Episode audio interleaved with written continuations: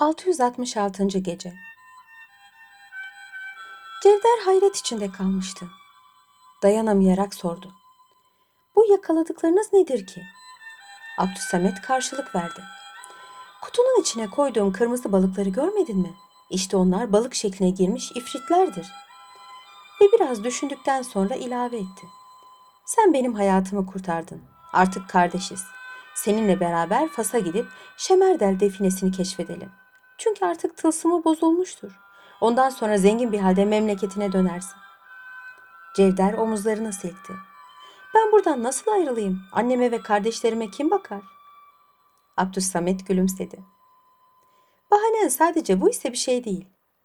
Para meselesini düşünme. Ben sana buradan gitmeden bin altın veririm. Onları annene ve kardeşlerine bırakırsın. Sen gelinceye kadar onunla geçinirler. 4-5 ay sonra döneceğin için bu para onlara bol bol yetişir. Cevder bu teklifi kabul etti. Mağribi'den parayı aldı, annesine götürüp verdi. Anneciğim dedi, ben Mağribilerle beraber Fas ülkesine gidiyorum. Dört ay sonra büyük bir servetle döneceğim. Sen ve kardeşlerim muvaffak olup selametle avdet etmem için bana dua ediniz. Sabah olmuştu. Şehrazat gülümseyerek hikayesine ara verdi. Hükümdar masal ertesi akşam devam etmesini istedi. Şehrazat da o akşam tatlı tatlı anlatmaya başladı. 667. Gece Kadın oğlunu kucaklayarak ağlamaya başladı. Ah evladım, seni çok özleyeceğim. Fakat madem ki istikbalimiz için seyahate çıkıyorsun, Allah yolunu açık etsin. Cevder annesine ve kardeşlerine veda ettikten sonra kendisini bekleyen Abdülsamet'in yanına döndü. Annesinden izin aldığını ve seyahate de çıkabileceğini söyledi. Abdülsamet onu katırının arkasına bindirdi. Batıya doğru yol aldılar. Akşama doğru Cevder'in karnı acıktı. Fakat Abdülsamet'e bir türlü bunu söyleyemedi. Çünkü onun hiç yemek yediğini görmemişti. Nihayet dayanamayarak ona sordu. Yola çıkmadan önce nevaleyi almayı unuttum. Sen de öyle değil mi? Mağribi hemen katırdan indi. Cevder de onu takip etti. Abdülsamet gülümseyerek Cevder'e canının ne istediğini sordu. Delikanlı da bir parça ekmek bir parça peynir yetişir karşılığını verince Mağribi kaşlarını çattı. Artık böyle yemekler sana layık değildir. Şöyle adam akıllı güzel bir yemek iste. Karnı adam akıllı acıkan Cevder, Abdülsamet'in kendisiyle alay ettiğini zannederek yolculukta insan ne bulursa onu yer dedi. Mağribi elini katırın üzerindeki heybe yatarak oğlum Cevder dedi. Herhalde şimdi mükemmel bir piliç kızartması önünde koyarsam yememezlik etmezsin.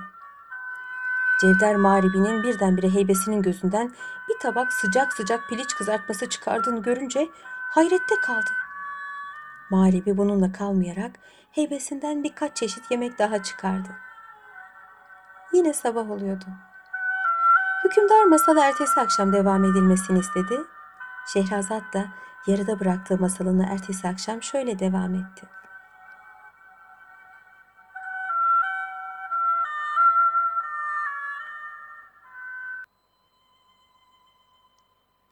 ...668. Gece Bu nefis yemeklere ağza solunan Cevder dayanamayarak... ...Allah aşkına Abdülsamet abi... ...senin heybenin aşçı dükkanı mı var? Abdülsamet güldü. Bizim gibi sihirbazlar için bu basit bir marifettir. İleride daha neler göreceksin. Cevder'le Abdülsamet iyice karınlarını doyurduktan sonra yola koyuldular. Bir aralık mağribi genç yol arkadaşına dönerek Şimdiye kadar kaç günlük yol yürüdük biliyor musun? Bir günlük değil mi? Ne bir günlük? Tam bir haftalık yol kat ettik. Abdülsamet bunu söyledikten sonra hayretle yüzüne bakan Cevder'e izahat verdi. Altımızdaki hayvan emrimin altında bulunan bir cindir. O isterse bir aylık yolu bir saatte alır. Seni alıştırmak için ağır yürüyor. Cevder gün geçtikçe yaman bir sihirbazla arkadaşlık ettiğini anlıyordu. Dört günlük rahat bir yolculuktan sonra nihayet Fas ülkesinin Müknas şehrine vardılar. Abdus Samet şehrin en güzel yerinde bulunan evinin kapısını çaldı. Çok geçmeden genç bir kız sesi duyuldu. Siz kimsiniz? Abdülsamet cevap verdi. Kızım rahmet aç ben geldim. Biraz sonra ay parçası gibi güzel, faslı bir dilber kapıyı açtı. Babasını ve Cevder'i güler yüzle karşıladı. Katırın üzerindeki heybeyi alıp içeriye götürdü.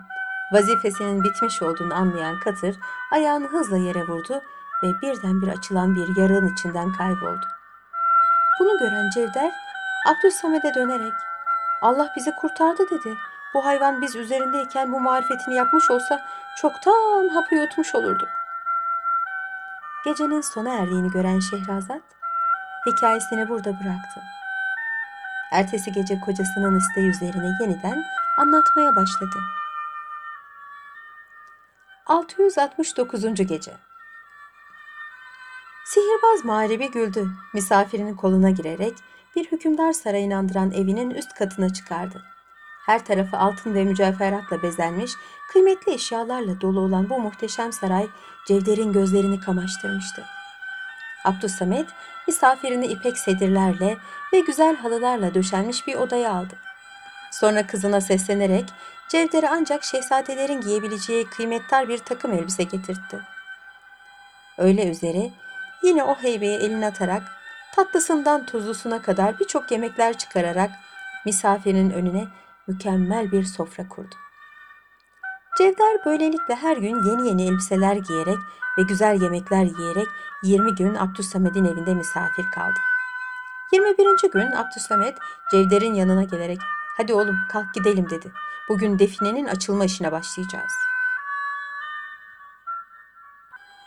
Cevder'le Abdüssamet şehrin kapısına kadar yaya yürüdüler. Orada kendilerini bekleyen iki uşağın tuttuğu katırlara binerek yollarına devam ettiler. Öyle üzere bir derenin kenarına geldiler.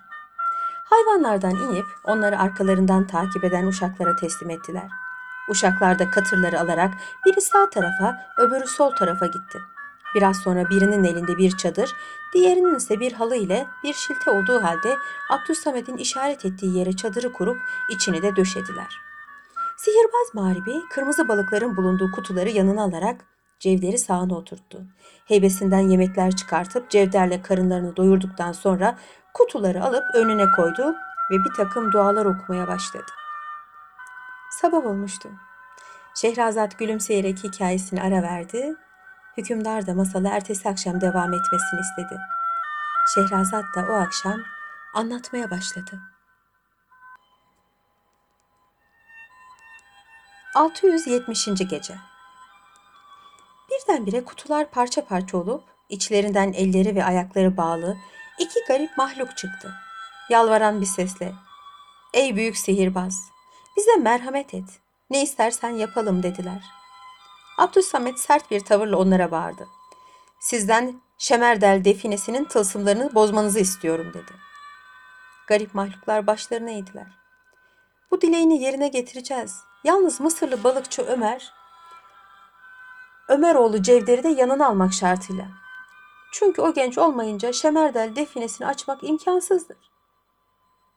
Abdülsemet yanında oturan Cevder'i göstererek işte bahsettiğiniz balıkçı Cevder buradadır. Söylediklerinizi o da duyuyor dedi. Bunun üzerine garip mahluklar definenin açılmasına müsaade ettiler. Buna memnun olan Abdülsamet onları serbest bıraktı. Sihirbaz mağribi Cevder'le baş başa kalınca bir keseden bir boğum akikle üzerinde tuhaf yazılar bulunan birkaç geniş tahta çıkardı. Evvela bu akiki tahtaların üstüne gelişi güzel attı. Sonra buhurdanlığa biraz ateş koydu ve onun üzerine tütsü serpti. Ve o sırada bütün bu yaptıklarına hayret ve heyecanla bakan Cevder'e dönerek biraz sonra okumaya başlayacağım. O anda konuştuğum takdirde dualarımın tesiri kalmayacağı için sana şimdiden defineye nasıl gideceğini ve orada ne yapacağını anlatacağım. Beni dikkatle dinle ve söylediklerimi harfi harfine yap dedi. Cevder büyük bir merakla hadi söyleyin sizi dinliyorum cevabını verdi. Yine sabah oluyordu. Hükümdar masala ertesi akşam devam edilmesini istedi. Şehrazat da yarıda bıraktığı masalını ertesi akşam şöyle devam etti. 671. Gece Abdüssamet anlatmaya başladı. Ben okumaya başlayınca çadırımızın önünde akan derenin suyu kuruyacak. ve orada şehir kapısı gibi altından yapılmış iki kanatlı ve iki halkalı bir kapı meydana çıkacak. O zaman kapıya yaklaş ve gittikçe artan bir hızla onu üç defa çal. İçeriden şöyle bir ses duyacaksın. Ey definenin tılsımını bilmeyen kişi.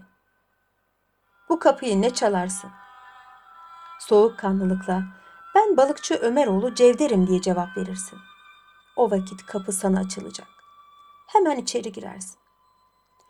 Karşına bir ikinci kapı açılır. Orada elinde yalın kılıç bulunan bir adam çıkacak ve sana eğer o dediğin gençsen kafanı uzat da keseyim diyecek. Sen korkmadan başını uzat. Göreceksin ki tam seni vuracağı sırada cansız olarak yıkılacak ve sana hiçbir şeycik olmayacak.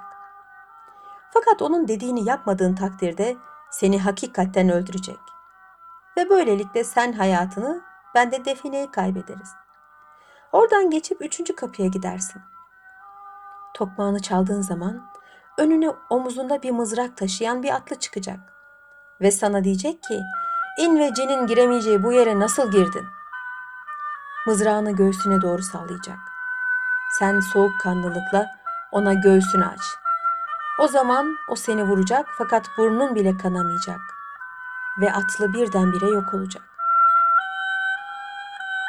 Gecenin sona erdiğini gören Şehrazat, hikayesini burada bıraktı. Ertesi gece kocasının isteği üzerine yeniden anlatmaya başladı. 672. Gece Abdüssamet bir an sustu. Derin bir nefes aldıktan sonra Cevder'e defineyi nasıl açacağını anlatmaya devam etti. Dördüncü kapıya geldiğin zaman önüne korkunç bir aslan çıkacak. Ağzını açıp sana saldıracağı sırada sen sonsuz bir cesaretle elini ağzına sok. O anda aslanın bir hayalden başka bir şey olmadığını göreceksin. Oradan beşinci kapıya geçersin. Karşına bir zenci çıkacak ve eğer sen hakikatten Ömeroğlu Cevdersen korkmadan altıncı kapıya gir diyecek.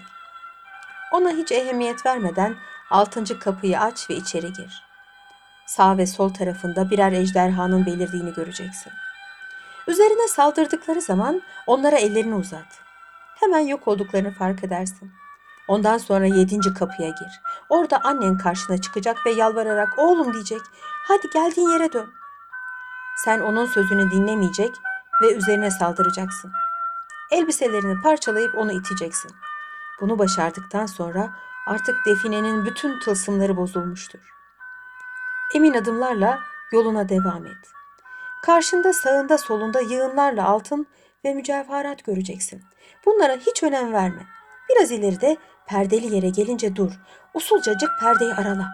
Geniş bir salonun baş köşesinde ihtiyar bir adamın altından bir döşeğin üstünde yattığını göreceksin.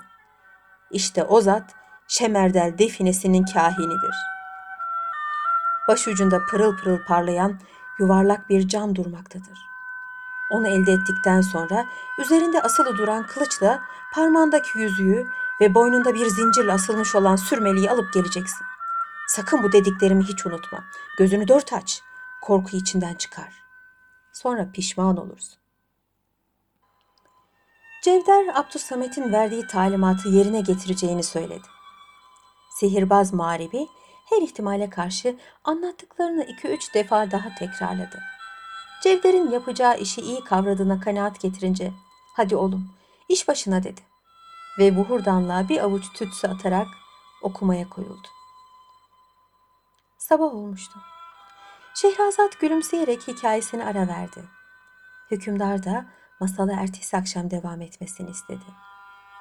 Şehrazat o akşam tatlı tatlı anlatmaya başladı. 673. Gece Çadırın önünde duran Cevder, çok geçmeden derenin kuruduğunu ve tıpkı Abdülsamed'in anlattığı gibi büyük bir kapının meydana çıktığını görünce büyük bir cesaretle oraya doğru gitti. Altıncı kapıya kadar Abdülsamet'ten aldığı direktif üzerine hareket etti. Fakat yedinci kapıya gelip karşısında annesini görünce şaşırdı. Çünkü bu önünde duran kadının annesinden başka bir kimse olmasına ihtimal yoktu. Annesi sert bir tavırla oğlum başını derde sokup sakın içeriye girme deyince Cevder başını eğerek geri döndü. Cevder annesini aldırmayıp geri dönünce bir takım kimseler etrafını sardı, onu bayıltıncaya kadar dayak attılar. Genç balıkçı kendisine gelip de gözlerini açınca karşısında Abdüsamet'i gördü. Abdüsamet hemen onu kucaklayarak o sırada eski haline dönen derenin kenarına götürdü. Gencin korku ve heyecanı geçince ne yaptığını sordu. Cevder başından geçenleri anlattı ve şunu ilave etti. Doğrusu annemi görünce her şeyi unuttum. Ona karşı gelemezdim dedi. Buna fena halde canı sıkılan Abdülsamet dudaklarını ısırarak Oğlum dedi, o gördüğün kadın senin hakiki annen değildir. Onun hayalidir. Bu saatte Mısır'da bulunan annenin definenin içinde ne işi var? Benim sözümü dinlemiş olsaydın bu hal başına gelmezdi. Şimdi tam bir sene beklemek mecburiyetindeyiz. Gelecek sene aynı günde bir daha oraya gireceksin. Bu sefer de o hayali hakikat sanıp annenden korkarsan bütün emeğimiz boşa gider. Belki de başımıza bir felaket daha gelir. Yine sabah oluyordu. Hükümdar masalı ertesi akşam devam edilmesini istedi. Şehrazat da yarıda bıraktığı masalını ertesi akşam şöyle devam etti.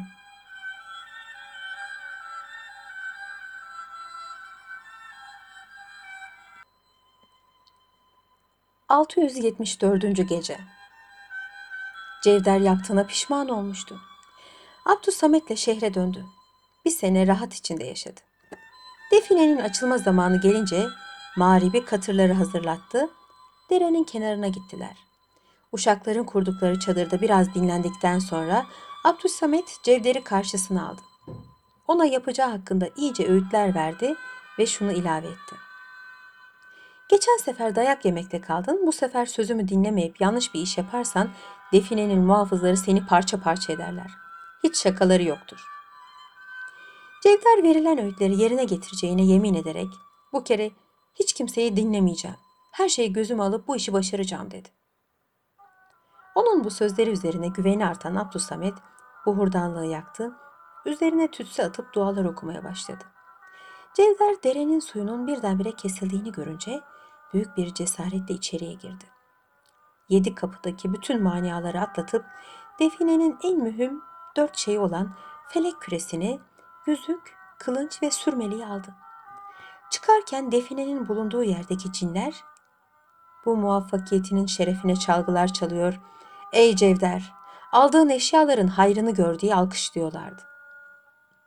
Cevder dışarıya çıkınca kendisini bekleyen Attos Samet'e emanetleri verdi. O da kendisini alnından öperek tebrik etti. Biraz sonra her ikisi büyük bir sevinç içinde hayvanlarına binip şehre döndüler. Gecenin sona erdiğini gören Şehrazat hikayesini burada bıraktı. Ertesi gece kocasının isteği üzerine yeniden anlatmaya başladı.